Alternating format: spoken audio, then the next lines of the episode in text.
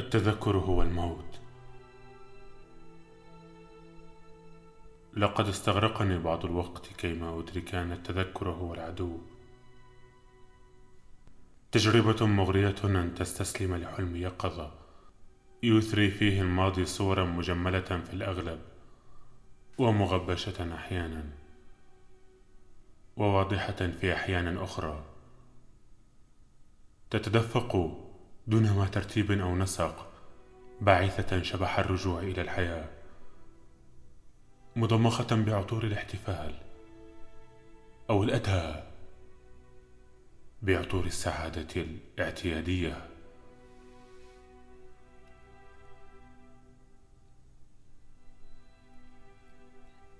كان الليل ماثلا ليذكرنا بهشاشتنا. أن نقاوم ما أمكننا ألا نسقط أن نوصل الأبواب؟ كل الأبواب. أن نتصلب أن نفرغ أذهاننا من الماضي أن ننظفها. ألا ننظر إلى الوراء وأن نتعلم ألا نتذكر. كان ينبغي ألا أشعر بعد ذلك بأنني معني بحياتي السابقة. حتى لو جاءت الصور والعبارات إلى ليلي وراحت تحوم من حولي. فالمفترض بي أن أطردها أن أزجرها لأني ما عدت قادرا على التعرف عليها.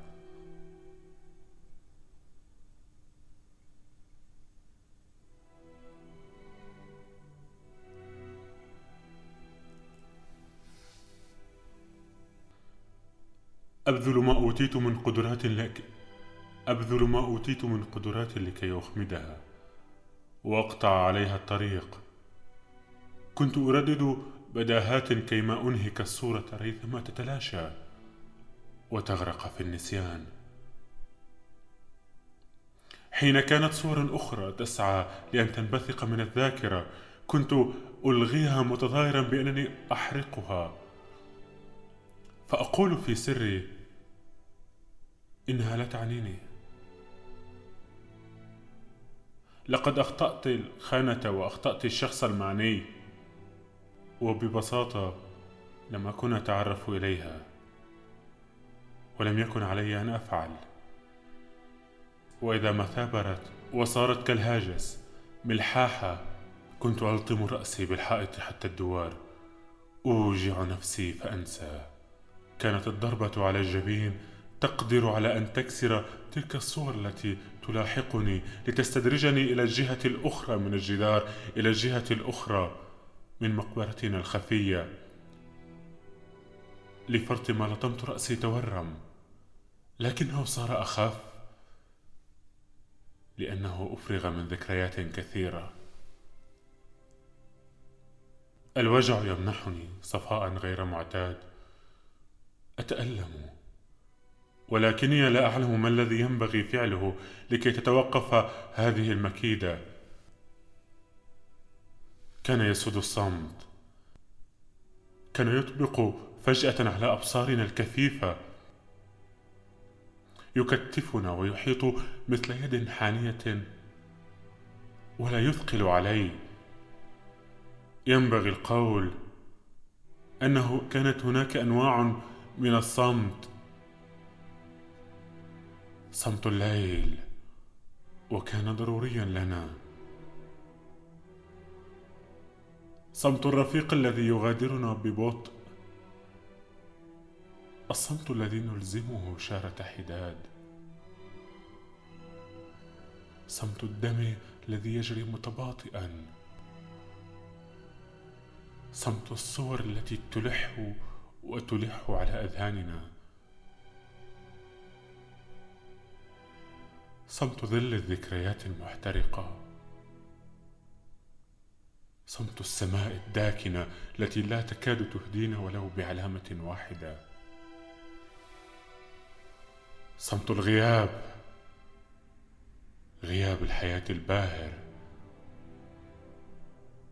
أما الصمت الأشد قسوة والأشد وطأة فكان صمت النور صمت نافذ ومتعدد كان صمت الليل وهو دائما إياه لا يتغير.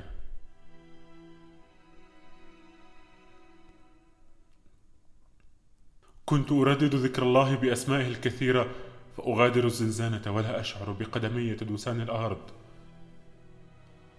أنأى عن كل شيء حتى لا أرى من جسدي. إلا غشاءه الشفيف. أكون عاريا. لا ما أستره. لا ما أظهره. ومن كنف تلك العتمات يتبدى لي الحق بنوره الساطع. لا أكون شيئا. حبة حنطة في مطحنة هائلة تدور وتدور على مهل وتسحقنا واحدا تلو الآخر. فتعاودني سورة النور وأسمعني مرددا؟ ظلمات بعضها فوق بعض إذا أخرج يده لم يكد يراها ومن لم يجعل الله له نورا فما له من نور.